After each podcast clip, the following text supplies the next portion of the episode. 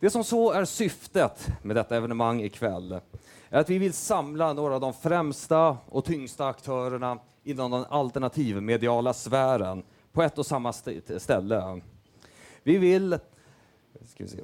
vi vill se och höra vad dessa personer har att erbjuda oss som inte riktigt köper den verklighetsbild som vanlig etablerad media förmedlar till oss. Vi vill höra om deras planer, deras visioner, deras tankar och varför de gör det de gör. Jag kan verkligen trycka på dock att talarna som är här ikväll är inte ansvariga för detta evenemang, utan de har blivit hitbjudna för att diskutera och prata. Och genom att de faktiskt vill komma hit, de vill stå upp för sin åsikt och de vill kunna diskutera kanske frågor som kanske alla inte håller med om, så står de upp för en yttrandefrihet som är under allt större angrepp i Sverige idag. Så med det sagt, och med hela formalien upplagd, så har vi nu kommit till att presentera själva talarna som är ikväll. Vi har först ut Vavra Suk, som är en veteran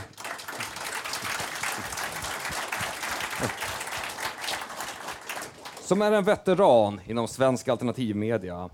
Han var en av grundarna bakom och motorn bakom tidningen Nationell Idag som 2010 vände upp och ner på det mediala Sverige när man uppnådde pressstödsnivå.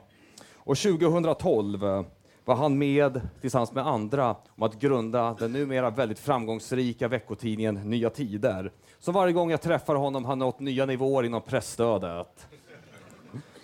Sen har vi Mikael Wilgert eh, som har varit på tapeten väldigt mycket de senaste månaderna. Han är motorn bakom och ansiktet utåt för det webbaserade programmet Sveb-TV där han intervjuar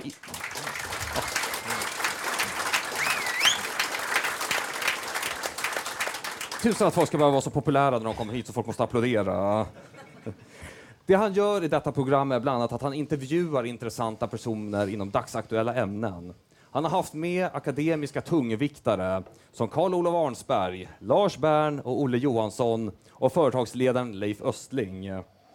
Han har den senaste tiden blivit måltavla för etablissemangets samlade vrede och har fått sin Youtube-kanal nedtagen och återupptagen ett flertal gånger bara detta år. Så har vi Jonas Nilsson som representerar Paljastra Media som har breddat All right. Som har breddat alternativmediasfären med att publicera egenproducerade dokumentärfilmer. Däribland den informativa, men ack så skrämmande dokumentären The Bower Project som visar och behandlar de vitas situation i Sydafrika. Sen har vi, som sagt, Lennart Mattikainen. Nu får applådera redan nu innan jag kommer igång med presentationen. Han är nog den i vår panel som har förekommit på båda sidorna i det mediala spektrumet. Han har varit relationscoach i TV4 och varit verksam inom Radio P4 i åtta år. Han har personligen coachat tusentals personer, både som individer och som par. Han är numera idag aktiv i programmet Erik och Matti, som är ett underprogram och en del av Sveb-TV. Och så har vi också kvällens andra hemliga gäst, Torbjörn Sassersson.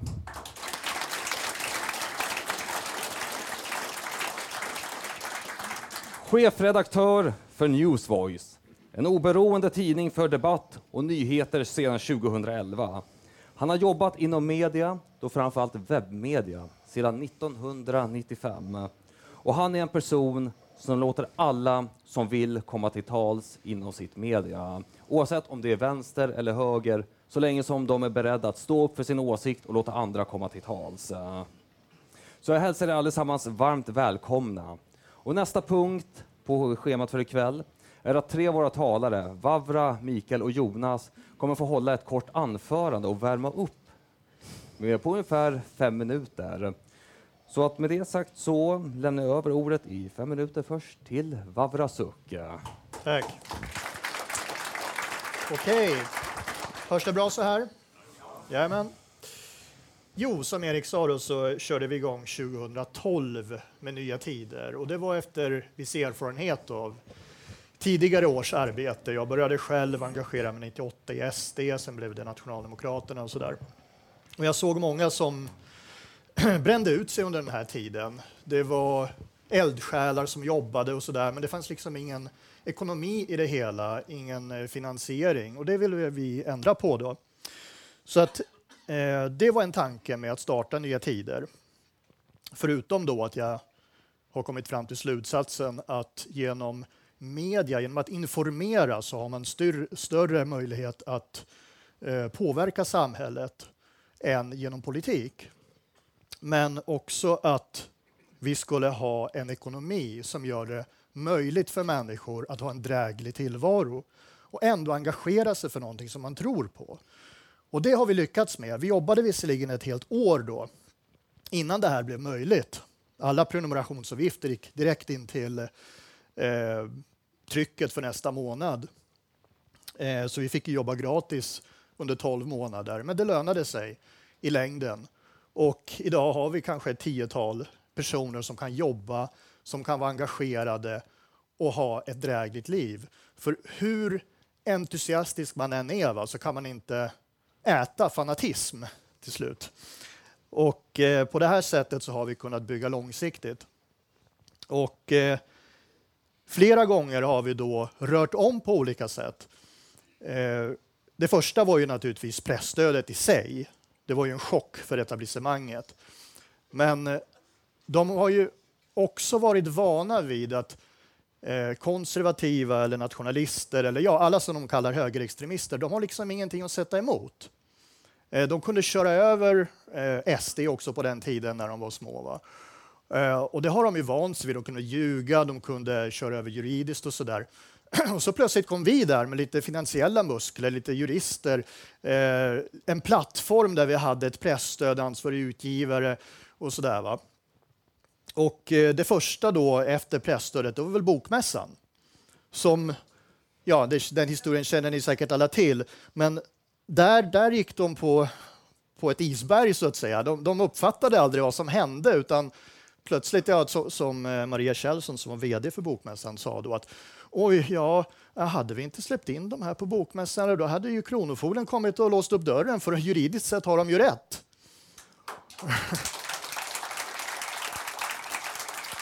och eh, eh, det här gjorde då att vi kunde avslöja en stor bluff inom det etablerade Sverige, etablissemanget Sverige. Tidigare kunde media och, och kulturprofiler och så där alltid säga att ja, men det är full yttrandefrihet i Sverige, det är bara det att ingen tycker annorlunda än vi. Och så kunde de liksom tysta alla röster. Va? Men där stod vi plötsligt på Bokmässan och de var tvungna att offentligt förklara de ska inte vara här därför att eh, ja, vi har yttrandefrihet. För det var ju också temat för Bokmässan, yttrandefrihet. Va? Så de fick ju väldigt, väldigt stora problem och då sa Åsa Linderborg till exempel, Aftonbladets kulturredaktör, att ja, vi har tystat röster under de här åren. Vi har drivit en agenda i media. Det är jätteviktigt att få fram. Vi vet ju det. Men att det kommer fram offentligt är en stor seger, tycker jag, för, för eh, friheten i Sverige. Sen har vi fortsatt då, varje bokmässa, om jag tar de bitarna, har ju betytt någonting. Året efter så körde vi ju då blev vi uppmärksammade väldigt mycket för Eh, det här med hembesök som journalistisk metod. Det kommer ni säkert ihåg Bechir Abani, vi följde honom när han knackade på hemma hos Thomas Mattsson och skulle ställa lite frågor. Och plötsligt var det inte alls roligt med, med reportrar som med kamera och mikrofon var kom där och knackade på dörren helt oanmälda. Och det var en viktig debatt att få igång, för så hade de betett sig under alla år. Men plötsligt var det inte okej. Okay. Jättebra att vi sätter fokus på det. Eh, vi fortsätter med kommande bokmässor, jag kanske hoppar över något år, men Eh, en viktig milstolpe var ju alternativ bokmässa. Och vi kunde visa att myndigheterna sätter stopp. Myndigheter tillsammans med polisen gör det helt omöjligt att i Sverige anordna en alternativ bokmässa. Fullständigt omöjligt. Och det, det var viktigt internationellt också. Det uppmärksammades ju. Ja, nej, men jag tror att jag var ganska klar där. att Genom den plattformen kan vi utföra saker som ingen har kunnat göra tidigare. Jag tror vi har varit med och påverka eh, samhällsdebatten och de framgångar vi ser idag eh, betydligt.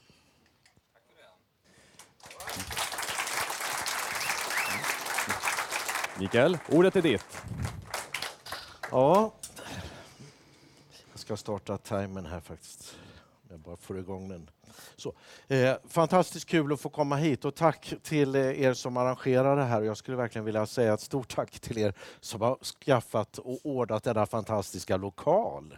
Det är helt, jag tycker vi måste ge en riktigt stor applåd. För att det, det här är, en, eh, det är något av en milstolpe tror jag. Det är ingen som kan kasta ut det här mötet. Det är ingen som helt plötsligt... Det, jag tror inte det hjälper om vänstern ringer till lokalägarna här och säger att det kommer vara hemska människor här ikväll. Och det här är, är ganska stort. Det här är lite grann av en folkrörelse. Det är en folkrörelse vi ser här och det är det som gör att det här är så speciellt. Så jag skulle faktiskt vilja ge en stor applåd till alla er som är här också. Jag tycker vi ska göra det. Vi tar till oss det. Det här är någonting stort som pågår och vi får vara en del i det och, och alla vi som står här. Och eh, Eh, när det gäller SWEB-TV då, så eh, jag har inte tittat på de sista siffrorna, men jag konstaterar att eh, vi, jag tror att vi är mer än 42 000 prenumeranter idag. Och eh, Facebook som vi inte alls har intresserat oss för faktiskt, men jag såg att vi hade åtminstone 10 000 följare där. Så det, vi, vi har fått ett större genomslag och det beror på alla er som är här som delar informationen. Men jag ser här också eh, ett antal personer här som är med i våra program, vilket är jättekul. Eh, bara för att nämna några, Lennart naturligtvis här som står bredvid mig, men eh, Gunnar och, och, och, Jan och Thomas och, och Claes som faktiskt är på 200 000 visningar i stort sett idag. Jag tror det är 198 000, men det, det, det skulle nästan räcka med att vi som är här går in och tittar en gång till så är det uppe i 200 000. Så att, eh, ja det är faktiskt... En annan som har fått många visningar det är ju Leif Östling. Och, eh, Eh, det är en fantastisk person och han har väldigt mycket att eh, komma med. Så att eh, jag skulle hoppas att vi får se mer av honom i de här sammanhangen. För att han är, han är en av de personerna som är med och vill, vill förändra. Eh, för att nämna, ja det är faktiskt värt en applåd. Och det, det, det, är alltid farligt där att nämna namn så här för man kommer naturligtvis missa de allra viktigaste. Så jag hoppas ni har överseende med det. Eh, ni känner till att eh, vi har haft tre ledord Det vi vill jobba med, titta på de områden där media ljuger, vilseleder och undanhåller mest. Och det anser vi vara massmigrationen, det är klimatbedrägerierna och det är allt som har med familjen, könsidentitet och fortplantning att göra. Och eh, det är de områdena som vi vill fokusera på. Men jag tänkte ta upp några saker som, som, jag, som liksom är, ligger på mitt hjärta nu. Och det är bland annat efter att ha fått kontakt med det här äldreboendet ute i, i Bromsten. Och vi får se rakt upp och ner hela det bedrägeri som pågår här. Hur människor kan totalt ha tappat allt vad moral heter och ett anständigt beteende. Och när vi, vi bara filmar vad de säger så, så eh, jag blev, jag blev paff först när han sa att det, det var vi som var problemet. Och jag, jag förstod inte vad han menade, men, liksom, men problemet är ju att ni ska kasta ut hundra åldringar. Nej, det är vi som är problemet. Vi är inte en del av lösningen. Alltså, tänk på vad han säger. Vi är inte en del av lösningen. Va, vad är det för lösning han tänker sig? Vi är inte en del av lösningen. Vi är en del av problemet.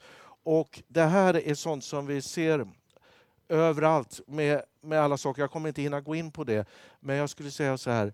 De har en agenda. Vi är ett problem i deras agenda. De har en agenda och den är väldigt ondskefull. Och den leder till att människor kastas ut från sina boenden, folk kastas ut från sina jobb, folk blir utan inkomst, de blir utan social gemenskap. Och det är det som är avsikten. Jag skulle säga det är en mörk agenda. Det är en mycket mörk och ondskefull agenda. Och det här är någonting som jag fick inspiration till när de kallade oss för vit makt. Och jag var tvungen att gå och slå upp det, för jag har inte hört det ordet sedan 80-talet. Och då handlade det om musik, om jag minns rätt. Men de har en mörk agenda. Och eh, nu har jag faktiskt eh, tappat tiden här lite. Eh, men jag, jag, skulle vilja säga det, för jag vill trycka på det. Det är en mörk agenda och jag vill komma tillbaka till. Och den agendan det handlar om att de vill ta ifrån oss det som är vårt. Det, agendan handlar om att de vill ta ifrån oss det som är vårt. Och det är inte bara att de vill ta ifrån oss vårt territorium, utan det handlar om att de vill ta ifrån oss våra insamlade skattepengar och de vill göra oss skuldsatta långt upp över öronen så att vi aldrig kan bli fria från skulderna. Det är det som den mörka agendan handlar om. Sen använder de alla möjliga verktyg för att åstadkomma det. Men det är verktyg för att åstadkomma just detta som jag ser det. Jag skulle vilja ta upp en annan sak också som Rör oss vidare om vi ska hinna med. Okej, okay, jag kommer tillbaka till det. Men eh, det, det, den mörka agendan, jag kommer komma tillbaka till det sen ja. hoppas jag. Okej, okay, tack. Och då lämnar vi över scenen till Jonas Nilsson. Ja, tack så mycket. Palaestra betyder i antika Grekland wrestlingarenan. Det var där männen förberedde sig för den eh, fysiska striden. Det är någonting som är väldigt verkligt över det. Det är någonting som är väldigt påtagligt och det är någonting som man inte kan fly ifrån för det är någonting som kommer farandes mot den. Men eh, Palestran var mer än så. Det var också platsen där man försökte förstå verkligheten, att analysera den. Och det är genom att Aristoteles hade sin filosofiskola där. Så Palestra är platsen där vi försöker få via förståndets krafter göra verkligheten begripbar. Och det är det som är problemet idag med det nuvarande medieetablissemanget. Att jag och mina fränder som driver Palestra inte känner igen oss i den verkligheten som våra etablerade medier beskriver. Vi måste komma med alternativa perspektiv, alternativa berättelser, en alternativ förklaringsmodell till vad det faktiskt som händer. Och man kan göra det på lite olika sätt. Man kan göra det med det skrivna ordet, man kan lyfta fram egna analyser och perspektiv och man kan eh, intervjua sakkunniga som sitter på den spetskompetensen som berör det faktiska området. Eller så kan man göra det via berättelser. Alltså dokumentärer, att vi förmedlar någonting med hjälp av rörliga bilder. Och det var en sak som Aristoteles sa i diktkonsten när han faktiskt stod i sanden på Palestran och talade till männen som stod och brottades där. Och det var att berättelsen, den är mer sann än en enskild historisk händelse. Och man kan göra två tolkningar utav det här. Det som Aristoteles faktiskt menade var att berättelsen den säger någonting som är generaliserbart. Den enskilda historiska händelsen kan lika gärna vara en avvikelse från normen. Och det är det samhället vi lever i idag. Du påpekar en sak, du säger att kvinnor är kortare än män och någon feminist reser sig upp och säger att ja, men jag känner en kvinna som är längre än de flesta män jag känner. Det är inte en generell sanning. Vi skyr generella sanningar i dagens samhälle just på grund av att det säger någonting om gruppdynamiken. Det säger någonting av identiteten utav den gruppen vi tillhör. Men berättelsen är också mer sann än en enskild händelse för det är den som lever, det är den som förs vidare. Och det är det journalistiska arbetet. Och det är här vi har problemet med den agendasättande journalistiken som sker i öppen dager. De skäms inte ens för det. Vi har Wolodarski från DN som stolt säger att vi publicerar inte vissa alster för vi tror att det kan spä på fördomar mot vissa grupper. Alltså, vi vill undvika de generella sanningarna om den andra och det sker på bekostnad av oss. Och därför har jag tillsammans med eh, andra engagerat oss i, i den här kampen och fokuserat vårt arbete just med rörliga bilder, att skapa våra egna berättelser som är till för att gynna oss. Och det behöver inte betyda att det finns någon falskhet i det, utan det betyder bara att vi lyfter de faktiska frågor som befinns i vår närmiljö över vad vi ser, känner, vad vi luktar, vad vi förnimmar. Vi påvisar och belyser det som faktiskt händer framför oss. Och det spelar ingen roll vad DN skriver på sin ledarspalt över hur vi ska känna. De säger att det inte finns några no-go-zoner. Men när vi lyssnar till vår kropp och vi berör oss i ett svenskt område, då känner vi inte en oro, vi känner inte en pulshöjning. Om du säger att det inte finns no-go-zoner, åk ut till de svenska utanförskapsområdena och känn hur din kropp reagerar på det. Det är där vi finner sanningen, vår sanning. Och det är någonting som är väldigt abstrakt och någonting som är väldigt inom konceptualiseringen över nyhetsförmedlingen. Och längs den här resans gång, Palestra Media är ett väldigt eh, ungt företag. Vi har funnits strax över ett och ett halvt år och eh, under den här tiden så har vi arbetat inom alla de här spektrumen som jag nämnde. Eh, jag tillsammans med min eh, vapendragare på Palestra Media, Anton Stigemark, har gett ut fyra böcker under den här tiden. Vi har intervjuat sakkunniga personal över situationen i Sydafrika och även i Sverige och vi har släppt fyra stycken dokumentärfilmer som gemensamt har närmare 600 000 views bryta om vi ska hinna ja. med övriga schemat. Uh... Tack så mycket. Så hörni, då är scenen och rummet uppvärmt för paneldebatten. Men innan vi verkligen drar igång med det som ni har kommit hit för så kommer vi ta en fikapaus. Det serveras fika i rummet bredvid där borta och eh, vi kommer inte att ta frågor med handuppräckning utan ni som har frågor till panelen vi kommer lägga fram ett papper där ni kan skriva upp vilka frågor ni vill eh, få belysta under panelen. Så kommer jag sen att läsa upp dem. Jag har fått in publikens frågor, de som vill ha någonting som ska lyftas fram. Och jag kommer försöka väva in dem efter bästa förmåga och framförallt lyfta in dem i slutet. Så med det sagt så drar vi igång. Är ni allesammans redo och taggade? Då tar vi som första frågan. Och det är lite av att reda ut begreppet. I och med att alternativmedia är ledordet för ikväll så skulle jag höra er allesammans, var och en, ge en liten tagning på vad ni själva lägger in i begreppet alternativ media. Och vad är det, anser ni, är det som särskiljer alternativ media från etablerad media? Ordet är fritt. Mm, då börjar vi med Vavra. Det här är faktiskt någonting som vi diskuterar på våra redaktionsmöten lite då och då. Vi har bestämt oss för alternativmedia som ett ord istället för alternativmedia. Det kan finnas många alternativa medier så att säga.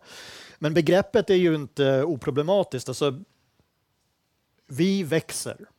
Vi är så att säga den riktiga median medan fulmedia eller systemmedia ljuger och har falska nyheter och bortförklarar och, och mörkar saker så för ju vi fram fakta.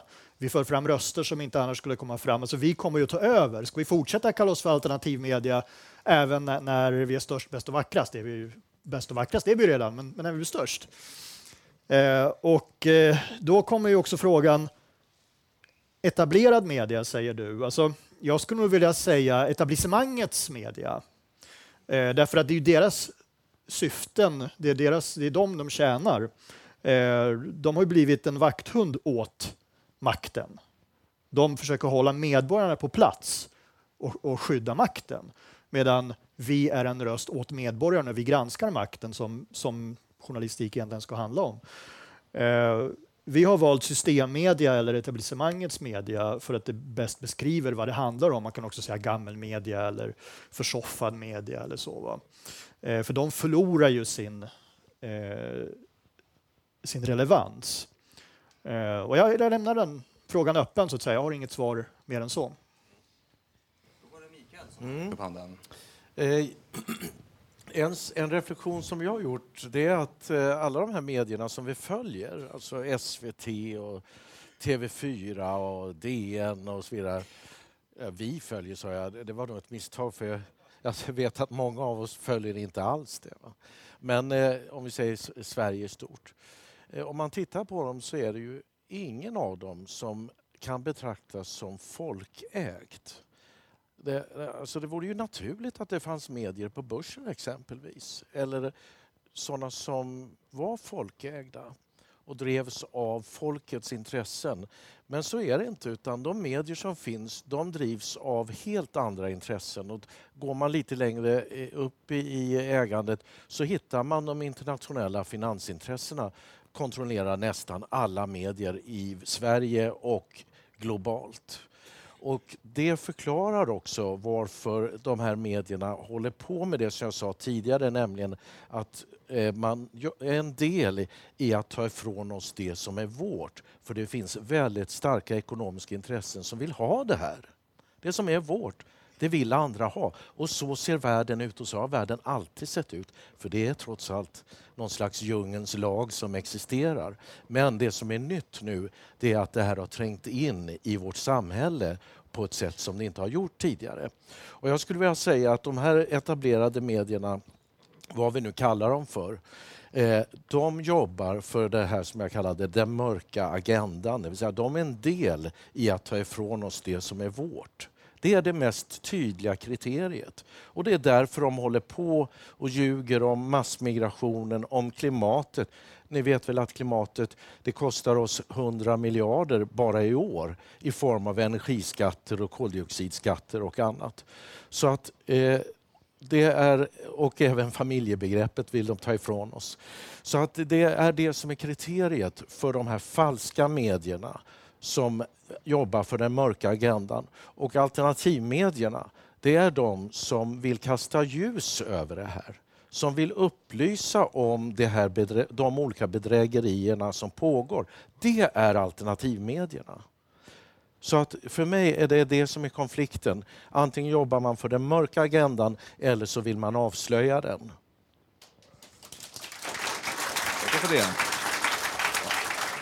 Jonas, du räckte upp handen. Ja, jag skulle bara vilja lägga in en liten vinkel på tidigare talare. Och, eh, när jag betraktar konceptet av eh, alternativmedia så tolkar jag det bokstavligen talat. För pratar vi motsatsförhållanden och vi har ett eh, etablissemangsmedia som är regimtrogen så är inte motsatsförhållandet ett alternativt medium utan det är oppositionsmedia.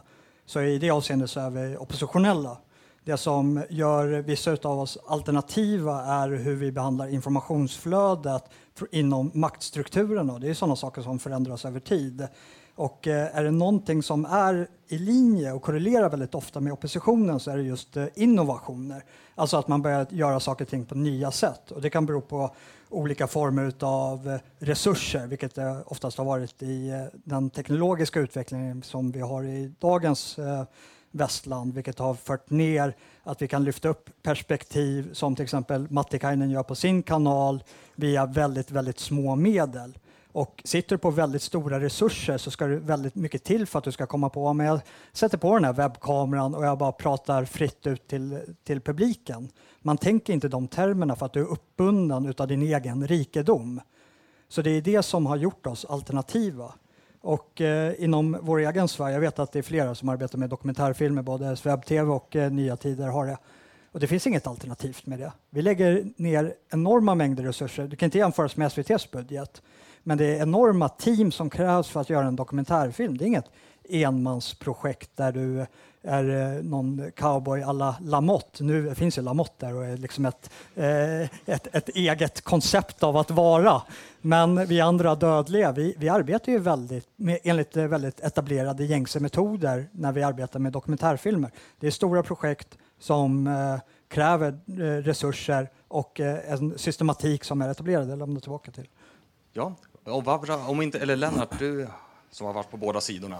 Ja, nej, nej, men alltså journalistiken har ju blivit aktivism istället. Det är ju det som har liksom skapat hela den här situationen. Och jag, jag ser väl alternativmedia mer som fri media. Jag kommer ihåg Mats Dagling sa för några år sedan att som var med i Avpixlat, han sa det att jag kommer att fira den dagen vi inte längre behövs. Vi behövs så länge tills de börjar tala sanning, de andra media. Men, men jag tror att det handlar om sanning och lögn. Och om vi säger då lögnmedia så försöker vi vara sanningsmedia. Vi försöker vara folkets media. Det är inte intressant för oss solklart att tjäna massa pengar på det här, utan det är att föra ut någonting, att det finns ett renare kall i det. Så jag, jag, jag tycker liksom vi kan kallas för gudomlig media.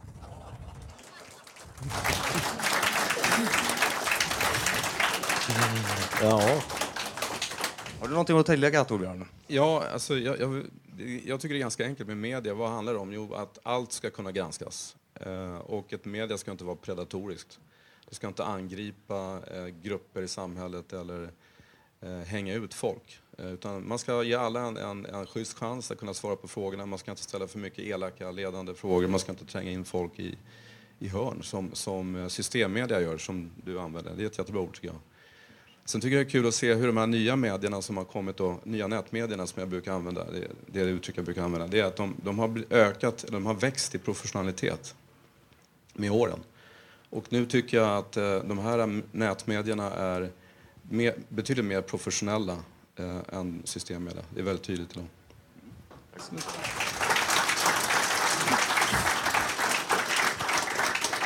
Du hade något du ville tillägga tidigare, Barbara? Eller fortfarande aktuellt? Nej, men det intressanta där är att folk behöver liksom ett etikett på det här. Va? Och jag märkte det när journalister från DN och Expressen och så där, de ringde oss när vi var nya, hade fått pressstöd och så sa de, men vad ska vi kalla er för någonting? Ja, men vi är en tidning, behöver man liksom ha någon, någon stämpel? Så här, ja, men vi är så här socialdemokratiska eller oberoende liberala, vad är ni då? Liksom?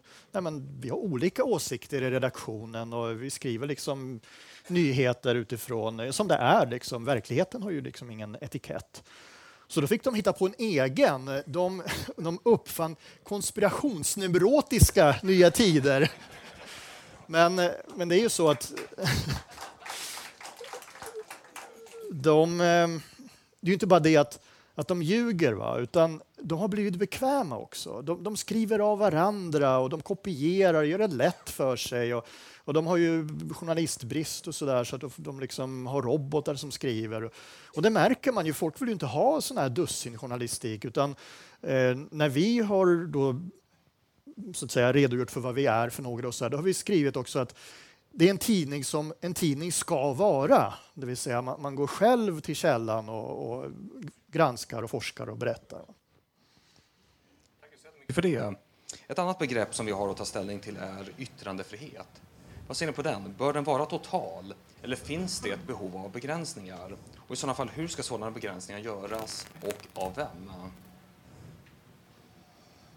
Mm, Jonas? Eh, jag anser att det finns eh, ett juridisk betraktelse till yttrandefrihet och den bör vara så total som möjligt. Men yttrandefrihet begränsas ju inom alla sociala kontexter som man agerar i. Och eh, även fast vi då är alternativmedia som existerar i någon form av marknad utanför de etablerade kanalerna så har vi fortfarande ett förhållande med vår publik som både ger oss subsidier i form av vad som bör lyftas fram men det finns ju också liksom vissa former av begränsningar och regleringar över hur man bör tänka sig på att uttrycka sig. Och det behöver inte vara att det är eh, känsliga ämnen utan det kan bara vara hur man väljer att föra sig, vilka, vilka ordval man väljer och eh, hur man väljer att uttrycka sig. Men rent principiellt så är jag för eh, så stor yttrandefrihet som den egna sociala kontexten tillåter. Mm. Vad bra. Eh, ja, alltså det finns ju flera olika aspekter av det här. En, eh, som en tidning med en viss spridning och så där så har man ju ett, ett ansvar som du sa.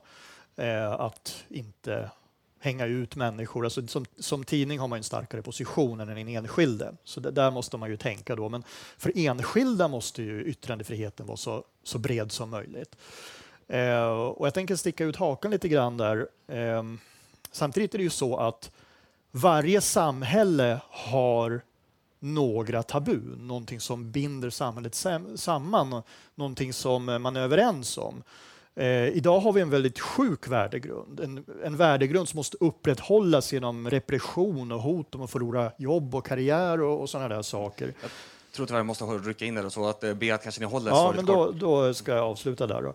Mm. Eh, jag tror att ett framtida samhälle som vi arbetar för också kommer att ha en värdegrund som är naturlig för människor som är självklar och som man inte behöver ha de här repressalierna utan det blir självklart. Så här, usch, angriper du liksom naturliga familjer eller usch, är du emot ett, ett uh, homogent Sverige och en nat stark nationalstat? Det vill jag inte göra med. Det där kommer, tror jag kommer att vara självupprätthållande. Mm. Tack så mycket för det. Är det någon som har några fler snabba tillägg på ja, det begreppet? Jag får lägga till. Jag, jag, jag, tror att allting har blivit så förvridet att, att om vi tar det här hets mot folkgrupp till exempel. Det, det räcker ju att vi, vi uh, kritiserar en dogm till exempel, eller en speciell dogm, uh, så blir det hets mot folkgrupp. Men en religion är inte en folkgrupp, det är en dogm. Eh, och jag tror att vi behöver börja med att definiera vad var sak är för någonting. För läs på gärna på Wikipedia om vad yttrandefrihet enligt svensk grundlag betyder så har vi väldigt stora friheter. Och så försöker du jämföra med hur den, hur den fungerar idag så ser du att den är väldigt starkt begränsad och det är en viss riktning som hela tiden hatar väldigt mycket och sätter etiketter som jag var inne på här tidigare. Eh, jag har fått så mycket etiketter på mig så att, eh, av människor jag inte känner och det är det som är så fascinerande. Jag skulle lägga till att eh, här, här kom vi, vi kommer säkert komma tillbaka till det, men den här med yttrandefriheten eh, har ju blivit så att den, den styrs ju ifrån den här agendan som, som vi har emot oss. Den styr nästan det helt och hållet. Så att nu försöker man etablera en diskussion där man kopplar samman oss med, med Ryssland. Jag menar, det, det är ett av de här stora hoten. Så att det, alltså, det, det, den typen av, att hindra yttrandefriheten har blivit väldigt starkt och det har ju ingenting med lagstiftning att göra. En annan, ett, ett annat hinder det Jag är... tror att vi ska nog inte väva in oss allt för Eh, mycket. Bara en, en, en kort kommentar. Och det är det som håller på att hända nu, nämligen att man stoppar e-mail också. Man går in och, och, och granskar e-mail och sen försvinner de på vägen. Ja, jag skulle bara vilja fylla på där, får jag få en, en, en minut där? Och, eh, jag tycker Vilgert är inne på någonting väldigt viktigt och eh, får man betrakta sig yttrandefriheten eller samhällssystemet att vi befinner oss på ett fartyg och vi är i kurs men av en eller annan anledning hamnat ur kurs. Att eh, styrman eller liksom någon form av skeppare måste kunna våga utan liksom några repressalier kunna åberopa kaptenen och säga men ser du inte vart vi styr någonstans? Vi är ju på väg åt helt fel håll.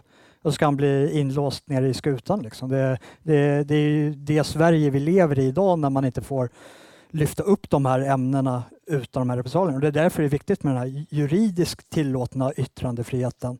Alltså vi har en yttrandefrihetslag i, idag i Sverige. Och det, det man ska ha i åtanke med alla former av lagar är att de är per definition begränsningar. Så det, man, man kan antingen ha ett juridiskt system som, säger tillåt, som eh, är skrivet utifrån vad som är tillåtet att göra eller så har du ett juridiskt system som är skrivet utifrån vad som är förbjudet att göra. Och vi befinner oss i det förbjudna varpå liksom, eh, textboken blir så gigantisk. Så att eh, avreglera yttrandefriheten är nästan i princip, speciellt i svensk kontext när vi inte har någon konstitution utan vi har en grundlag som kan förändras, så bör det inte ens vara med i grundlagen. Det är först då vi faktiskt har en riktig yttrandefrihet, att du inte kan gå och anmäla någon för att han har sagt någonting, för att det inte står i lagboken. Tackar så jättemycket för de svaren. Vi har många frågor vi måste hinna med så det är därför som det blir ibland lite tvunget att vi måste um, köra lite kort. Men om ni bara ska sammanfatta med eh, en, en eller två korta meningar. Vad anser ni vara era största framgångar eller viktigaste milstolpar i det ni håller på med? Var och en. Ska, ska vi gå i Ja, turordning? det, bara? jag tror vi kör på det stuket. Ja, det är att när det gäller Newsvoice då, det är att, att från en desk, desktopdator kunna nå genom lite arbete, idogt arbete under, under ett antal år från hemmet kunna nå som för närvarande 3-4 tusen unika besökare per dag. Alltså jag, det tycker jag är ganska bra. Vi har, jag har ju en jätteliten redaktion, det är typ jag. eh, och eh, hur kan man lyckas nå så många ensamma? Det är helt otroligt. Det är för att, jag tror att det är för att man vi publicerar det folk vill läsa. Eh, och... Eh, eh, var det svar på frågan? Det tycker jag i högsta grad. Så det tackar jag Ta för. nästa. Jag- skulle säga som, som ett väldigt ungt företag så den, den största milstolpen var när eh, jag planlägger liksom konceptet utav Palestran och eh, var själv för eh, strax under två år sedan till att idag vara ett team på cirka tio personer med blandade kompetenser som med vår gemensamma kraft mynnar ut i det vi har presterat. Vilket är några eh, banbrytande dokumentärer som har fått otrolig genomslagskraft. Men också att vi har lyckats lyfta upp konceptet av Paletron till att vara en plattform där eh, diskussionen tillåts, där det är viktiga ämnen och riktiga aktörer som för fram sin talan. Och det största vi har genomdrivit där är ju debatten mellan Alexander Bard och Gustav Kasselstrand.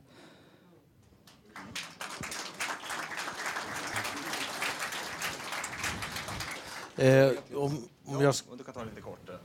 Eh, Jag, vill- jag känner att jag var lite oschysst när jag berättade om eh, alltså, framgång, så att säga. Det, det beror ju också på att det är fantastiska människor som sitter hemma på sina kammare också och skriver fantastiska debattartiklar och skickar in. Så att det är ju ett nätverk av människor som samarbetar och jag tror att det gäller oss alla, mer eller mindre.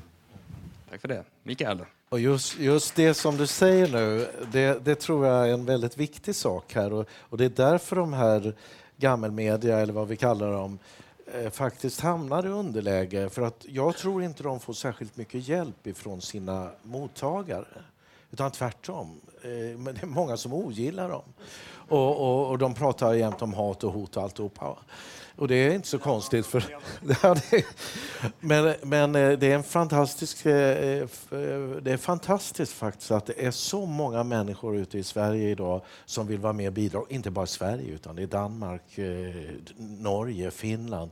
Så att det här nätverkandet, det är, det är vår, en av våra största tillgångar och eh, kanske den största. Och skulle jag prata om någonting som jag upplever som eh, vändpunkter så vi har ju haft några konferenser. Vi konstaterade att i, i den första konferensen då vågade folk knappt prata med varandra. Men nu när vi var på, eh, på vår kryssningskonferens så då, då, var, jag tror vi har glömt bort att det var så. För att helt plötsligt så är det, det är en, en folkrörelse som pågår här. Så att, eh, så det, det, det, känns som en jättestor framgång. Sen en annan framgång är ju faktiskt det här att eh, eh vi börjar komma i ett läge där vi kan arvodera personer. Och det, och det är nödvändigt för att det är personer som måste lägga sin arbetstid. Och eh, det, det är en, också en fantastisk framgång, vilket också har att göra med, med eh, alla våra mottagare som är med och bidrar. Så att det, det är vi oerhört, jag känner mig oerhört tacksam för det faktiskt.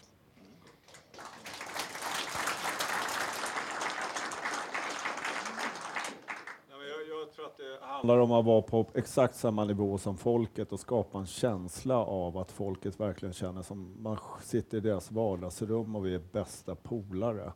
Det är liksom den känslan. Och det, det, är lite som förr i tiden tror jag, när det fanns en kanal. Det fanns en mysprogram man verkligen liksom bara njöt av. För att det var så folkligt. Och det är den här folkligheten som jag tror vi behöver uppfylla. Och att vår mediaform måste vara bra förebilder, eh, sanna och samverkande. Det är liksom viktiga ingredienser. Vad bra. Jo, jo, jag gick igenom en del i min inledning där med, med bokmässan och sådär, men jag tror fortfarande att vi har lyckats skapa någonting som ingen annan har. Vi är en tidning på papper med pressstöd. Det är väldigt stort i sig och det, det är ju enormt irriterande för makthavarna. Men sen har det hänt enormt mycket under de här åren. Jag tycker fortfarande den största eh, bragden, så att säga, det vi har uppnått, det är faktiskt att man kan arbeta med det här och man kan få en dräglig tillvaro. I 15 år levde vi ju på Ja, man jobbade så mycket man kunde med, med, verksamheten eh, under sin vakna tid och sen lite på fritiden så försökte man förtjäna ett levebröd. Liksom. Och det, det håller ju inte i längden. Nu eh, hade jag säkert haft det bättre ekonomiskt om jag fortsatt som civilingenjör, men, men vi har en enorm eh, förmån att faktiskt kunna arbeta med det vi tycker är roligt, det vi tycker är viktigt, det vi tycker att där vi verkligen gör en, en skillnad och kunna leva drägligt. Det är enormt bra. Jag tackar så jättemycket för de svaren. Det är väldigt inspirerande att höra alla medgångar och framgångar som ni har rönt. Men alternativmedia är ju ett väldigt brett koncept och det finns många olika inriktningar och många olika frågor. Om ni kan svara väldigt kort på en eller två meningar, vilken fråga är det just nu som ligger just dig varmt om hjärtat? Ja, det är hur man eh, hanterar Sveriges resurser, eh, migrationen naturligtvis och hälsa, vård. På med det sista ordet där, för det är det som ligger mig närmast om hjärtat och det är mitt folks välmående. Och det är därför jag gör det jag gör. Det är, det är inte drivet av ideologi över att vi ska ha det ena eller andra politiska systemet utan det är att vi just nu inte mår så bra som vi skulle kunna må. Och eh, det är därför vi måste belysa den form av gruppdynamik som existerar i samhället som, men som förnekas. Mm. Eh, jag tycker att en av de viktiga sakerna just nu, jag skulle vilja att de här bedragarna som kastar ut gamla människor, att de får som eh, Lennart Dahlgren sa, de ska tryckas upp mot väggen och de ska avslöjas och de ska våga säga vad det är de håller på med. Så det är en sak. En annan sak som är väldigt spännande, jag vet inte hur det ska gå, men jag är väldigt nyfiken på det. Apropå det här med nätverkande. Vi hade Christer Bigander med från eh, Filippinerna som sa att det här är SOS Barnbyar där han bor bredvid det. Han har aldrig sett några barn där annat än när TV4 var där för att filma. Och, eh, det där har vi ju lagt ut nu och det har fått över 60 000 visningar och, och personer har ringt till SOS Barnbyar och sagt att jag har skänkt 50 000 genom åren men nu blir jag väldigt upprörd över det här. Och varpå de säger att vi håller på att förbereda en polisanmälan. Och eh, vårt svar har blivit nu att eh, de är välkomna till vår studio så får de träffa Christer Bigander. Han är beredd att komma hit från Filippinerna och prata med dem. Och så får vi se hur det går. Vi har inte fått något svar på det ännu. Så vi kan bara föra fram... Det, det, hur det ska gå, jag menar, det, det, kan ju visa sig att det finns saker där som vi inte känner till och som vi borde ha känt till. Men än så länge så har vi inte hört någonting. Det viktigaste är att sprida kunskap och sanning eh, och framförallt väcka människor. För att det, det, den här väckarklockan tickar ju väldigt högt just nu. Eh, så att jag, jag, jag, tror överhuvudtaget, och jag värnar väldigt mycket, jag träffar så mycket våldtagna, utsatta kvinnor, eh, alltså grupper som och åldringar, och jag gråter varje gång jag träffar en åldring som har jobbat hela sitt liv och, och går och letar pantburkar i, i uh, soptunnorna. Alltså det, det, är liksom, vi måste alla se att vi behöver väcka upp empatin för varandra. Det är väldigt mycket sköt dig själv, skit i andra. Den behöver brytas så att vi har liksom en gemenskap och tillsammans vårdar våra nära och kära. Vad bra. Ja, vi lever verkligen i en brytningstid. Alltså, det händer så otroligt mycket nu. Alltså, nu, nu har vi en fullständig samhällskollaps på gång. Va? Det, det är liksom, hela välfärden krackelerar. Det är vården, äldrevården, och, eh, polisen och inte resurser och så vidare. Det märker man, det drabbar ju alla. Och samtidigt så vaknar ju folk. Vakenheten liksom sprider sig. Va? Så det händer otroligt mycket nu och där, där, det är ju det vi fokuserar på nu, att belysa allt det här som händer. Och i det så ser man samtidigt hur makthavarna är totalt liksom isolerade från verkligheten. Det är verkligen det där, ja, men låt dem äta kakor liksom, om de inte har bröd. Det, det är på den nivån och det ska vi ju fokusera på idag. Alternativmedia når ju ständigt nya framgångar och ni når ut till fler och fler människor. Men fortfarande så är målgruppen ganska begränsad och det är väldigt många aktörer som eh, ska dela på denna målgrupp. Skulle ni betrakta varandra som allierade eller konkurrenter i vilka ni når ut till? Nej, jag... Eh, dels är jag ju frimarknadsekonom, jag är ganska libertariansk lagd så jag betraktar ju konkurrens som ett positivt laddat ord. Att det i i den gemensamma kampen mot varandra, egentligen med varandra för att se till att vi blir bättre. Men eh, jag ser oss också som, så jag ser oss som konkurrenter i väldigt, väldigt positiv bemärkelse. Men jag ser oss också som eh, eh, överlappande allierade i respektive plattformar.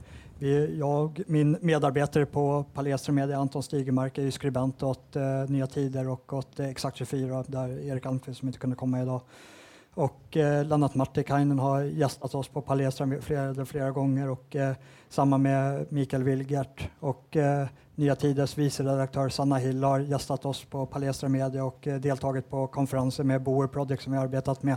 Så jag ser ju liksom ingen eh, begränsning i liksom hur vi kan röra oss och arbeta tillsammans för att vi gemensamt ska kunna bli bättre.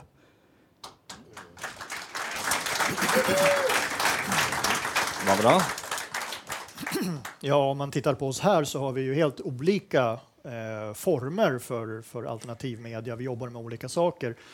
Jag tror att det är naturligt att det blir så att om en nisch är upptagen, och då hittar man ju en annan och så utvecklar man liksom hela, det är ju ett brett spektrum. Vi, vi, alltså, bara för att vi kallar oss för alternativmedia betyder inte att vi strävar mot exakt samma sak, att vi tycker samma sak, att vi jobbar på samma sätt, utan man hittar sin nisch, man hittar sina eh, områden man jobbar med, man hittar sina arbetsmetoder. Så att där ser jag bara att det, det, ju fler som finns, desto bättre och publiken är ju otroligt så den är oändlig. Alltså Sverige har, är jag övertygad om, den största alternativmedian i världen sett till befolkningen. Och det är ju för att behovet är så enormt. Alltså det, är, det är så förljuget i Sverige. Det, det, är ju liksom, det är verkligen ett extremland, eller föregångsland som de kallar sig ibland. Va? Utan de, de säger det att ja, men vi är annorlunda, det är för att vi går före och alla kommer att följa efter. Men så blir det ju inte riktigt. Mikael? Jag, jag tror att det är så här att eh, Om vi säger att eh, i Sverige kanske säg att det är 20 procent, nej det är nog 30 procent som har vaknat.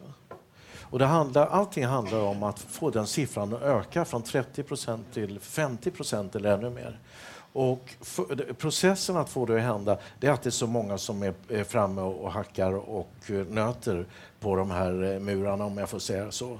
Så att eh, ju fler som är med i den processen, desto större kommer också mottagargruppen att vara.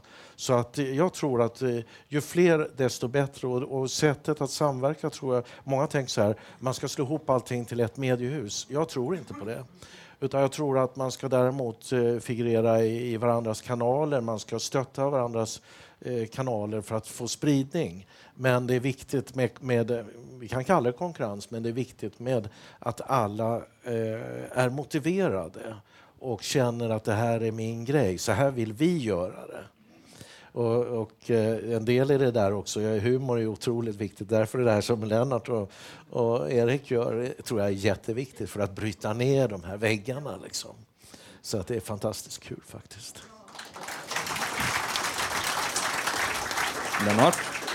Nej, men jag, jag, tror på det här att man brukar säga att du kan inte förändra någon annan genom att försöka förändra den utan vara en bra förebild. Och det, det är just den här sidan tycker jag förebilda på det viset att vi inte, jag prenumererar på Nya Tider och fick den i brevlådan idag, jag är skitglad liksom och delar länkar och Eh, och, och just att, att samarbeta med Jonas och eh, Exakt 24 vi har inga filter där vi ser varandra som konkurrenter och det är det som jag tror skapar synergi, att vi har fri samverkan. Medan de andra har färdiga kluster och ser varandra nästan som fiender och tävlar om att liksom slå varandra på tasken.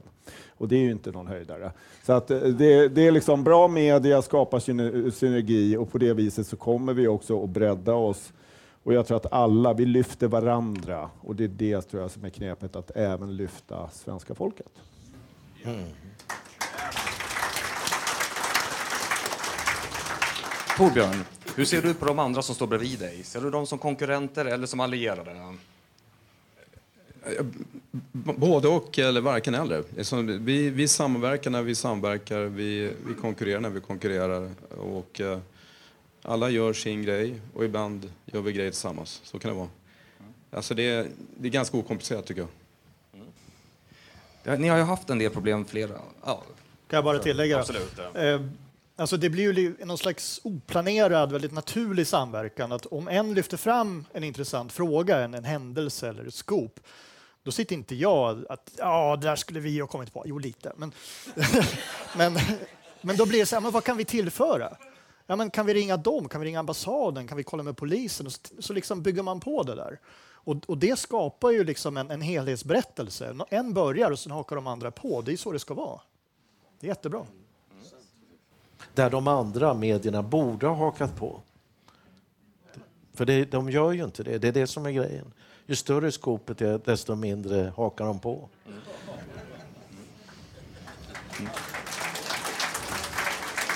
Flera av er har ju de senaste åren haft problem med vad som kan kallas för deplatforming. När ni har fått eh, kanaler nedstängda, ni har fått bankkonton spärrade, ni har blivit portade från bokmässor. Hur, alltså vilka lösningar finns det till att hantera sådana här när ni blir begränsade i möjligheten till att nå ut? Och finns det möjlighet att kunna skapa stabila plattformar för alternativmedia för att undvika sådana här situationer?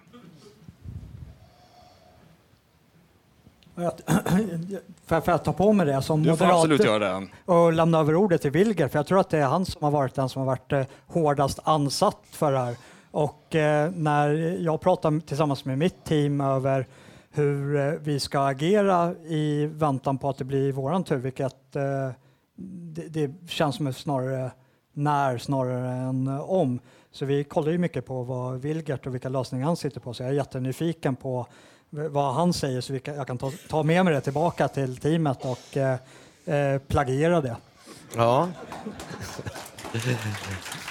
Det, eh, det, är ju lite kul faktiskt. Det finns ju en person i Sverige som, som har som är väldigt, alltså enormt skicklig måste jag säga, som har lagt upp alla de här programmen på, på en egen lösning. Jag vet inte om ni har hittat in i den, men eh, och där ligger ju då eh, Palestra och Sveb TV och Ingrid och Maria i deras program och han har hittat, gjort en egen lösning. Men den är, eh, vad ska man säga, det är inte den slutliga lösningen utan det pågår ett arbete för att få fram ett alternativ men eh, det är, inte, det är inte färdigt. Det där tar lite tid och eh, det kommer kosta en slant också. Men eh, det är en uppfattning att det finns bara ett sätt att lösa det här. Det är att vi måste, precis som vi har en möjlighet här till en lokal som ingen kan kasta ut den ifrån så måste man också ha en lokal på internet. Och det där är svårt, va? men jag är övertygad om att det går att hitta alternativ. Samtidigt så eh, vi pratar ju om, om intressen som är väldigt starka och som faktiskt sitter på en väldigt, en väldigt stor kontaktyta. Så att eh, det är eh, och inte minst det här som jag sa med, med, internet, eller så här med e-mail, att det till och med censureras där. Det måste jag säga, jag, jag blev ganska häpen när jag började förstå att eh, de censurerar beroende på innehållet. Eh, det, beroende på innehållet så hamnar det någon annanstans eller kommer inte fram eller kommer fram för sent eller, eller hamnar i skräpposten. Alltså, det här skräpposten, det är precis som med terrorhotet. Allt det här är bara förevändningar för att genomdriva sin agenda. Så att, men eh, som svar på frågan, alternativet är att man måste ha en egen lösning och jag hoppas att vi ska ha det.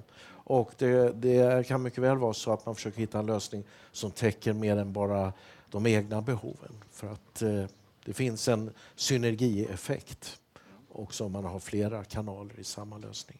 Jag måste bara komplettera med den här frågan. Alltså, finns möjligheten att kunna etablera egna sociala medier att verka via. För att nu är ju ibland webb-tv går ju via Youtube och de kan ju närhelst de känner för det plocka ner kanalen, plocka ner videos och så. Hur ser ni på det i sådana fall att etablera egna sociala medier? Barbara? Alltså rent generellt, det är ju där striden står om deplattformering och sådär. Det var ju precis därför vi kom till Bokmässan. Det var inte för att främst synas för de redan frälsta och sådär, utan det var för att eh, arbeta inom det etablerade fältet. Youtube, eh, Facebook och sådär, det är också etablerat fält. Vi, vi, skulle kunna skapa egna sociala medier, men då, då, blir de liksom bara för oss och vi vill ju nå ut. Det blir liksom kontraproduktivt. Visst, det är bra för, för en massa saker, för att hålla kontakt och, och vad bra vi är och sådär. Men, men det är nya människor vi måste nå ut. Det är det som är media. Och eh, där måste vi hela tiden, jag tycker det är jättebra att just det här med att vi har så många följare, vi har så många som stödjer oss. De kommer att lägga upp, de kommer att länka, de kommer att, och liksom kopiera och, och reposta och sådär. Alltså det, det, det översvämmar ju de här sociala medierna.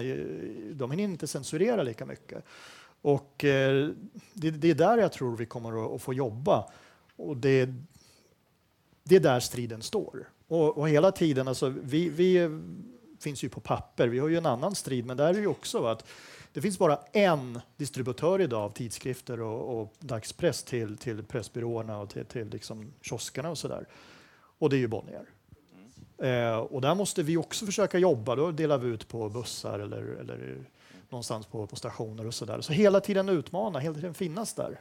De, de vill ju putta undan oss till ett eget hörn. Ja.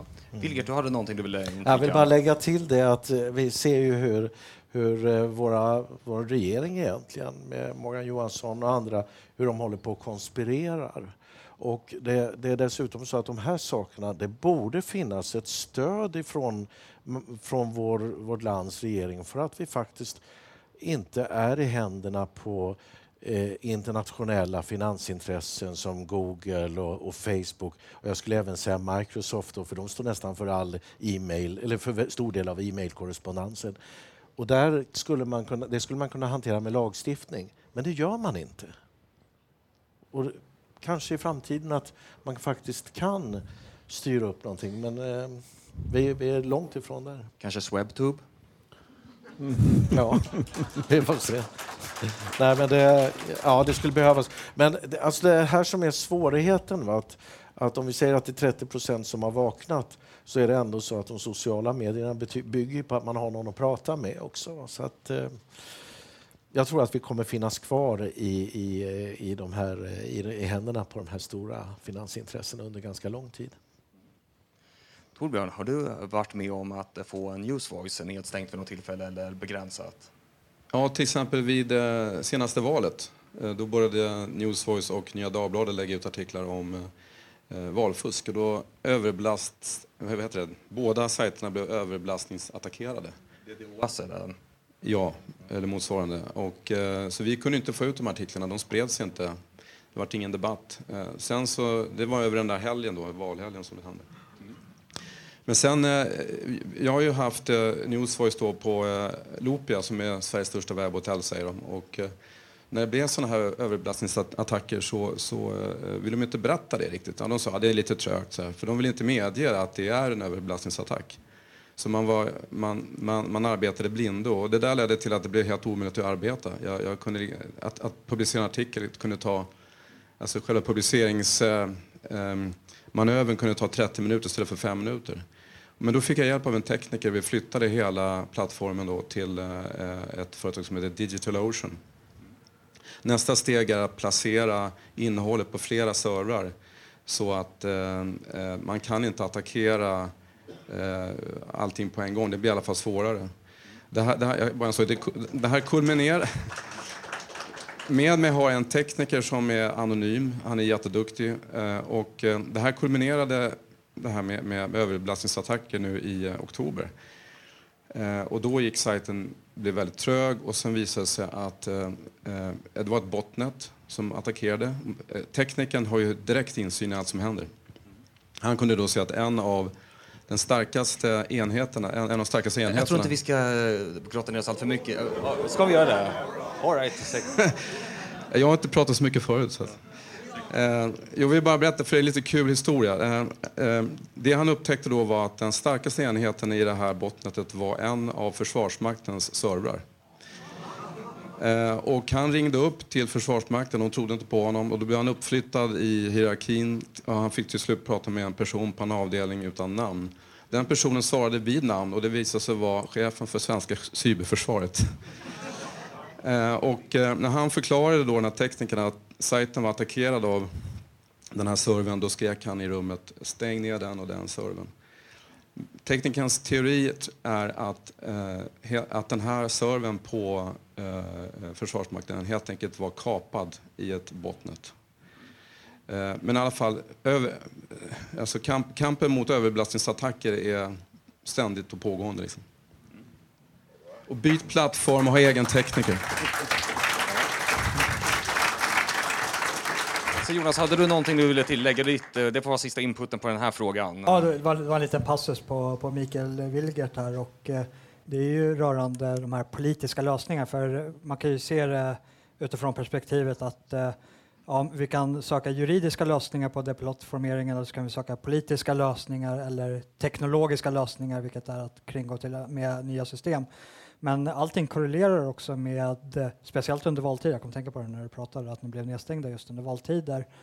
Och eh, det är att vårt etablissemang gärna pratar om otillbörlig valpåverkan och pekar på yttre makt i form av Ryssland för att vilja ha intresse för att influera utgången i olika västerländska länder. Vilket är det är operus morandi i, eh, inom internationella relationer att uh, olika stater har egen, egen intresse i vad som försiggår i andra länder. Så det är inte någonting som är utanför den faktiska normalbilden. Men det som är det är att vårt etablissemang inte uh, väljer att belysa Youtubes inflytande över den svenska valutgången genom att stänga ner videos som berör Eh, de politiska partierna. Alternativ för Sverige fick till exempel sin Youtube-kanal eh, nedstängd mitt under pågående valkampanj. Och eh, jag vet att vi alla, det här är ju två år sedan ungefär, och vi hade väl 5 000 prenumeranter på den tiden och nu har vi närmare 20 000 prenumeranter. Swebb-TV har passerat 50, upp mot 100. Det, hur stora är vi, inte på Youtube, om vi tillåts vara kvar till nästa val? Och eh, vilken desperation kommer då de människorna som sitter på de olika positionerna och har möjlighet att påverka de här. Att, för det är där vi har en riktigt faktiskt otillbörlig valpåverkan som är lite så här ingrott i systemet självt. Tack så jättemycket för de svaren och jag måste tyvärr säga att vi börjar dra ut lite på tiden här och så. Så jag tänker att vi ska också beröra lite frågor som vi har fått från publiken så att ni känner att ni kommer till tals på ett eller annat sätt. På många sätt så har ju alternativmedia varit ignorerade av de stora medieaktörerna under ganska lång tid. Men på senare tid så har vi märkt att de har börjat tvingas mer och mer att förhålla sig till alternativmedias rapportering.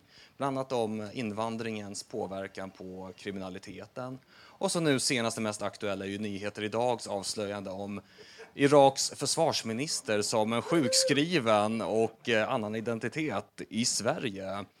Hur kommer alltså etablerad media eller mainstream media eller vad man nu väljer att kalla dem, hur kommer de att behöva agera på fler sådana här saker och avslöjanden som belyser eh, ja, problematiken i det svenska systemet? Ja, alltså, de har ju fått anpassa sig. De har ju redan under flera år fått förhålla sig, inte öppet, men de har ju eh, fått korrigera sin rapportering väldigt mycket just för att vi avslöjar de mest uppenbara lögnerna ganska snabbt. Så det, det har de ju fått tänka på. Eh, men jag tror att det kommer att bli mer, det kommer att bli tuffare. Alltså man märker att makthavarna är mer hysteriska, så det är ju mer förbud, mer repressalier nu till exempel i USA under Trump än vad det var under Obama.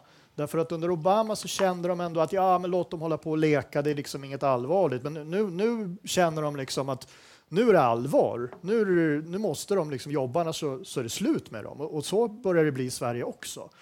Så att ju mer det visar sig att vi har rätt, desto mer hysteriska blir de, desto mer hysteriska reaktioner får de. Och det, det ser man ju i medierna. Att de kan erkänna lite grann, men sen så kör de på liksom ännu galnare saker. Och, ja, det är naturligtvis därför vi finns, för då kan vi påpeka de mest uppenbara galenskaperna va? och så, så rullar det på så där. De, de skjuter sig själv, själva i foten hela tiden, men de har inget val. Mm. Eh, det är ju, eh, de står ju inför ett enormt dilemma, för det är ju det här Ska de attackera? De kan ju inte attackera utan att tala om vem de attackerar. Det, det, är ju det här som är deras dilemma.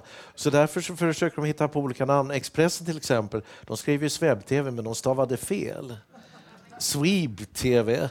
Och, och, då trodde de att folk inte skulle hitta dem, men folk hittar ju det ändå när man googlar. Jag provade och man kom dit.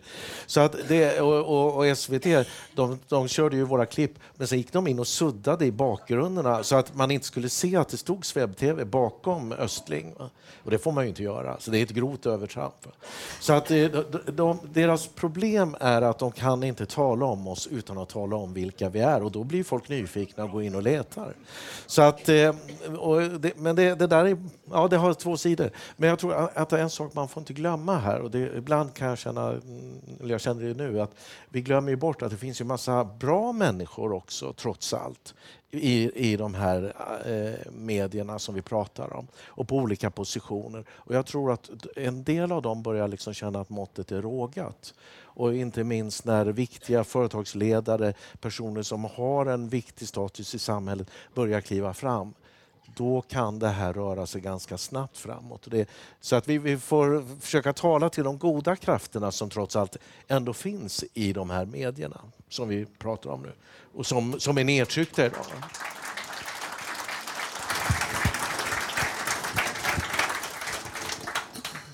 Någon som har någonting att tillägga där? Jag vill knyta an lite till det som Vavra berättade om tidigare här, bland annat om när hembesöken som gjordes hos Thomas Mattsson och bland annat ställa honom till svars. Det brukar inte vara så jättepopulärt bland de som sitter vid makten idag att faktiskt svara på frågor. Hur svårt är det faktiskt att eh, få kontakt med dem och faktiskt få dem att svara på frågor när det är kritiskt från alternativmedia? Ja, alltså myndigheter är ju väldigt tacksamma på det sättet att de måste ju svara. Eh, och det, det, drar de sig för. Alltså, vissa myndigheter är väldigt eh, tillmötesgående. de vet ju vad som gäller, annars får man ju påminna dem att jag sa efterforskar du min identitet, du vet att det är olagligt. Nej, nej, nej. nej, nej. Eh, och sådär. Va? Det, där har man ju väldigt mycket att vinna. Eh, sen om man vänder sig till politiska partier och sådär, de har ju lärt sig att det är alltid liksom att nej, men skicka på mejl, nej, men jag vill inte svara nu. Man får ju mer eller mindre överraska dem, hitta något liksom mobilnummer till privatpersonen och, och liksom, alltså privatnummer och gå direkt på. Det brukar ge bäst resultat. Liksom bara hoppa på direkt frågan så kanske de glömmer bort sig och, och svarar. Va? Men det har blivit mycket svårare. De vill ju undvika medborgarna. De vill isolera sig från medborgarna. De, de, de, det är de som ska tala om för medborgarna vad medborgarna ska tycka. Det är ju det som den här nya myndigheten ska, ska handla om. Va? Att det, det, folk ska förstå vad regeringen vill och, vad det är som gäller. Eh, så att, ja, det har blivit svårare. De försöker isolera sig, men det finns olika metoder. Granskning Sverige gjorde ju ett fantastiskt jobb där. De, de, jag menar, vad gjorde de för fel? De, vad gjorde de för fel? De, vad var brottet? De ringde upp och ställde svåra frågor och la ut det i princip oklippt. Det var. Mikael, du har haft lite problem med en socialdemokratisk politiker i Södertälje den senaste tiden Mm. som inte riktigt vill svara och bemöta anklagelser. Nej, det där precis. eh, Det, jag tyckte det blev väldigt... Det känns väldigt märkligt när, när då Länstidningen i Södertälje började prata om det här med vit makt. Och då tänkte jag så här, men de, de kunde väl ringa och kolla vad det är för några som håller på med det här. Vad, vad är, och även prata om, om våra kontakter. Och allt det här kom ju från Expo. Då. Och där, det, jag skulle säga, det, det är som att det finns någon slags osynlig liksom materia som har smugit sig in överallt. Och Expo, där, där är den väldigt koncentrerad. Eh, det, alltså det, det är en slags mörk materia som finns på alla de här ställena. Jag ringde upp en av de här mörka materierna då på Länstidningen. Och då så, så, hur kan ni skriva så här i er överskrift? Liksom? Det här är ju osant. Nej, men jag vill att du läser hela artikeln. Nej, men den är ju bakom en betalvägg. Ska jag betala för, för att du ska svara på, på, på våra frågor? Och hon gav sig inte. Nej, hon ville inte svara på någonting om jag inte läste artikeln och jag skulle då betala 119 kronor för att läsa den. Så att... Eh, och sen kom då Godner in. Jag kan inte bedöma henne, men hon hakade på det här. Och ibland så tror jag, jag pratade med någon som sa det, men hon, hon kände väl att hon var tvungen att försvara sin position. Hon kanske inte är så här som, som hon verkade. Hon kanske inte var med i det här, men hon måste försvara sin position. Och ofta är det ju det, de, de, de sitter och klamrar sig fast och försvarar sina positioner när de faktiskt borde reflektera lite grann över vad de håller på med. Så att, eh, jag tror inte hon är värst, det tror jag faktiskt inte. Men hon är ett bra värre? exempel. Förlåt? Har du varit med om värre? Nej, jag måste säga att vi har ju klarat oss väldigt bra och det beror ju på att de, de vill ju aldrig tala om oss. Så att vi det, det är ganska skönt faktiskt.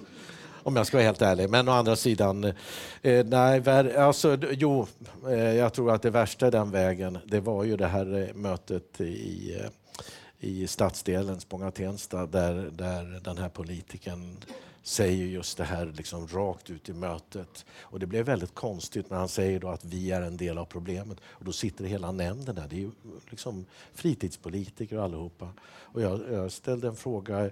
Är det någon annan som vill liksom säga någonting om det här? Och alla satt alldeles tysta och bara förskräckta. Va? Och det är ordföranden som beter sig på det sättet. Och, och de vågar inte reagera.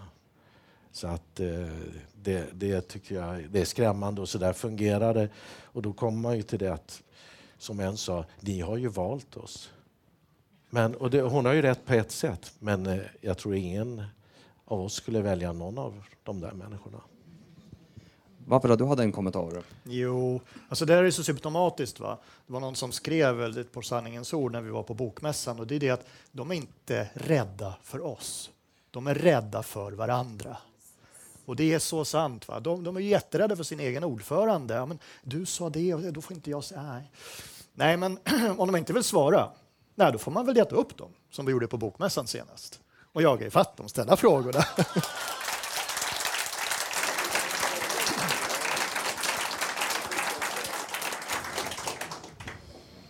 Tack så mycket för den inputen. Och vi håller nästan på att få slut på tider så jag tänker att vi tar väl en, en sista fråga. Ni har ju lyckats röra upp eh, samtliga av er i mer eller mindre utsträckning i en riktig skitstorm i offentligheten med ganska begränsade medel om man jämför med de stora drakarna. Säg att om ni hade en bråkdel av deras ekonomiska resurser om ungefär 30 miljoner per år. Vad skulle ni då vilja åstadkomma för dessa Glöm inte att DN, eller Bonnier, de fick en miljard av EU i lån för att satsa på ny journalistik. Det ser vi resultatet av idag. Vad skulle Nya Tider göra för en sån summa på en miljard? Eller ta lite mindre 30 miljoner som sagt. Ja, nej men det är, Sverige behöver ju en dagstidning. En dagstidning, helt klart.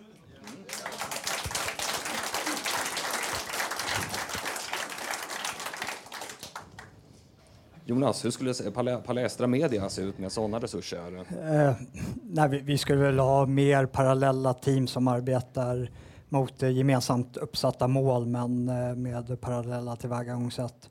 Alltså en utökning av antal reportage och dokumentärer och en tydligare struktur som sprider sig utåt snarare än att nu vara eh, begränsade till att kanske kunna arbeta med ett större projekt som eh, den här dokumentären vi arbetar nu om varför Sverige egentligen är en mångkultur. Och vid sidan av det så kan vi presentera en del analyser och perspektiv och en del reportage. Men eh, vi skulle kunna vidga det. Billgert? Jag tror att det, det är ju det här med nätverkandet och delaktigheten är så fundamentalt. Men en, en, eh, en önskan som vi har och en tanke som finns det är att vi skulle ha någon form av nyhetsrapportering och att vi skulle se till att eh, jag menar idag, vi, vi står ju i en helt annan teknik idag där alla har en, en telefon eller en kamera med sig hela tiden. Eh, vi skulle kunna ha ett helt annat sätt att skapa nyheter idag. faktiskt. Och det tycker jag är någonting som jag skulle vilja se att vi kunde göra. faktiskt. Jag lägga till där, det skulle verkligen gestalta det här att man är folkets television. Att alla har en chans att vara en egen reporter. Då skulle man också känna en motivation till att engagera sig i att titta upp från sin mobiltelefon och använda den till att titta ut i verkligheten och dokumentera det hela. Eh, så att, eh, jag, jag, tror att det skulle vara liksom lite hälsosamt sådär. Med 30 miljoner engagera folket och bli lite journalister och börja titta på varandra och prata med varandra också. Mm. Torbjörn? Ja, jag kan bara hålla med föregående talare allihopa. Alltså, mer undersökande journalistik. Ehm, kanske lägga mer pengar också på marknadsföring för att nå nya läsargrupper. De som man normalt inte når. Man har ju en tendens att nå samma folk hela tiden. Jag skulle vilja jobba mer med att nå och då skulle det räcker ju med liksom en miljon kronor, så kommer man ganska långt. Får jag lägga till ett litet ord? Alltså, det är så här, du nämnde miljard. Eh, eh Bonnier sålde TV4 för 9,2 miljarder. Alltså, de är en annan division. Men det de inte har... Alltså, eh, om man säger så här, det värdet som finns av att våra tittare och läsare sprider informationen, delar det är värt långt mer än 30 miljoner. Så att man får inte glömma det. så att säga. Det är små budgetar, men värdet i hela den här processen, det är Ja, det är nog, det kanske är miljarder. I världen kan hålla upp sanningen, kan hålla upp lögnen. Nej, sanningen. nej, och, och alltså, hela den här PR-kampanjen som hela tiden pågår varje dag. Jag skulle tro att trots att de har miljarder så har de ju faktiskt inte lyckats med sina projekt. De har ju haft projekt, de har försökt det, men de kan inte. Det går inte. För folk är inte delaktiga. Mm. Jag tänker mig att ni ska få säga några avslutade ord. Och då tänker jag framför allt, vad är de framtida projekten som ni, har, som ni är inne på att sätta igång med? Vad bjuder framtiden på för var och en? Eh, ska, ska jag börja? För då, för då kan jag avsluta Wilgers meningar, för jag tycker det är så eh, otroligt vackert. Och eh, inom statsvetenskap så brukar man prata om någonting som heter commitment of engagement. Att man har börjat på en linje och så märker man att det inte fungerar så man bara försöker hårdare och hårdare och tror att liksom det önskade resultatet ska uppstå. Och där har vi, vi existerar som fenomen för att SVT, Statens Television, inte gör sitt jobb. De håller på att gå under.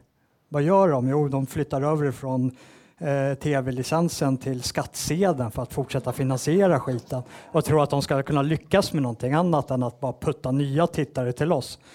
Eh, och eh, med de här nya tittarna som kommer till oss så kommer vi att eh, presentera eh, nästa års stora dokumentärfilm och eh, det, det, är väl vår största satsning någonsin på Palestra Media och det är att försöka på något sätt göra det begripbart för en bredare publik till varför vi införde den mångkulturen som vi upplever idag. Vad var det för konsekvensanalyser som gjordes på 60 och 70-talet när vi tog de här besluten? Och hur följde vi upp de här besluten, de här konsekvenserna? Hur korrelerade konsekvenserna av vad vi faktiskt såg med den önskade målbilden innan vi tog det beslutet? Och eh, det, det, är vad vi arbetar med just nu och eh, kommer förhoppningsvis kunna presentera på försommaren. Och vad kommer SvebTV att eh, göra? Eh, ja, får jag först bara haka på det du sa, för jag kom att tänka på någonting väldigt komiskt som jag såg på SVT häromdagen, nämligen det här Sverige möts-projektet, om jag bara får haka på det. Och där de säger att nu tusentals människor är engagerade i Sverige möts, de kommer in till våra redaktioner och sen imorgon. Och sen så dagen efter så gjorde de ett reportage från det och då såg man det var 10-20 personer. En jättelokal, ja. nästan helt tom, där, där de hade... Alltså det är ett fullständigt misslyckande. Men eh, om jag eh, skulle tänka vad, vad, jag tycker vi skulle... Det är det här med nyhetsrapportering som sagt och eh, eh ja, annars är det väl mest att fortsätta ungefär som tidigare. Och Newsvoice, kommer vi få se något mer av dem? Ja, jag har ju förmånen då att ha fått gifta mig med en asylsökande migrant som jag har två barn med. Eh, och eh, jag har del av då hela hennes nätverk. Eh, och det som jag tycker är chockerande det är att de människor jag pratar med där, alltså det är högt utbildade afrikaner, folk från Syrien, framförallt Afrika, Alltså de delar de här åsikterna väldigt mycket som, som jag, ni har här inne. Eh, ett annat exempel är jag känner en kvinna som är eh, skolläkare, kommer från Kina. Eh, hon är med i en kinesisk förening. Alla i den föreningen eh, typ eh, röstade på SD. Eh, alltså det finns oerhört mycket stöd. Och jag, jag ser så här idag, jag försöker fatta mig kort, men eh, folket folken i Afrika, folken i Mellanöstern och folket i Sverige och Europa har oerhört mycket gemensamt. Alla är på ett eller annat sätt överkörda av globalism, kapitalism och eh, alltså förtryck. Problemet är bara att de, de jag pratar med från Afrika, de, de skulle gärna vilja göra sina röster hörda men de är rädda för repressalier från sina hemländer. Alltså de regimerna. De jagar folk, eh, diasporan, och sätter dit dem. Men de kan ju alltid tala anonymt under skydd. Eh, så att, eh, jag hoppas på det. Att kunna lyfta fram deras röster. Och de är väldigt, väldigt intressanta. Väldigt insatta människor. Mm. Och kommer vi få se någon mer vidareutveckling eller någonting nytt med Erik och Matti? Ja, men jag vill att TV4 tar in det programmet. Eh, eller inte. Eh, som svaret är inte på det så, så trivs jag alldeles utmärkt i SvebTVs famn. Och, ja, men jag tycker det, liksom, det är en kreativ process. Och jag tror att vi alltså, växa, utveckla. Och jag älskar att sitta i bilen med Erik. Han kan prata. Eh, så, ja. Men, men eh, det, det, jag, jag, jag, tror bara man är öppen i sinnet så, så kommer vi på. Men jag tror att vi behöver också hela tiden ha en öppen dialog med andra medieplattformar där som vi trivs med. Att vi skapar den här synergin ihop och inspirerar varandra och se vad vi kan göra saker ihop också. För det är också ett sätt att breddas. Och då Vavra, får du vara det sista inlägget för ikväll. Jo, nej men vi skriver ju mycket om Syrien, Ukraina, alla konflikthärdar just för att det berör oss i Sverige så mycket. Det är precis samma strid, bara det att vi, vi strider kanske med, med det skrivna ordet. I Syrien strider man med vapen, men det är ju, det är ju samma problematik. men vad är framtiden här nu då? Eh, min analys är så här. Eh, vi i bred bemärkelse, alternativmedia, invandringskritiker och allt möjligt, vi har vunnit striden vad gäller fakta. Vi har all statistik, vi har liksom brottslighet, allt kan vi peka på vad det leder någonstans, ekonomin och, och så, kostnader, bidrag och, och, sånt. Det är till och med så att våra motståndare säger så här, ja men du har rätt i sak, men du är ond. eh, och det, det, är ju det som är nästa steget. Va? Det är att vi tar ifrån dem den plattformen. Vi ska häckla dem, vi ska visa vilka losers de är. Politikerna ska inte ha någon trovärdighet längre. Det, det, det är ju svenskarnas så att säga, akilleshäl, att man är så auktoritetstrogen. Att ja, de har fel, men de, de är ändå där. Liksom, och då, vi, ska, vi ska ju följa dem. och så där. Nej, vi ska dra ner dem, vi ska dra ner brallorna på dem, vi ska ironisera, vi, vi, ska, vi ska skämta, vi ska skratta åt dem. Det är vägen framåt. Och det, det gör vi med poddar, det gör vi med allt möjligt. Då blir det brallneddragning som avslutar kvällen. Jag vill rikta ett stort tack till panelen för att ni har deltagit och jag vill rikta ett stort tack till alla er som har kommit.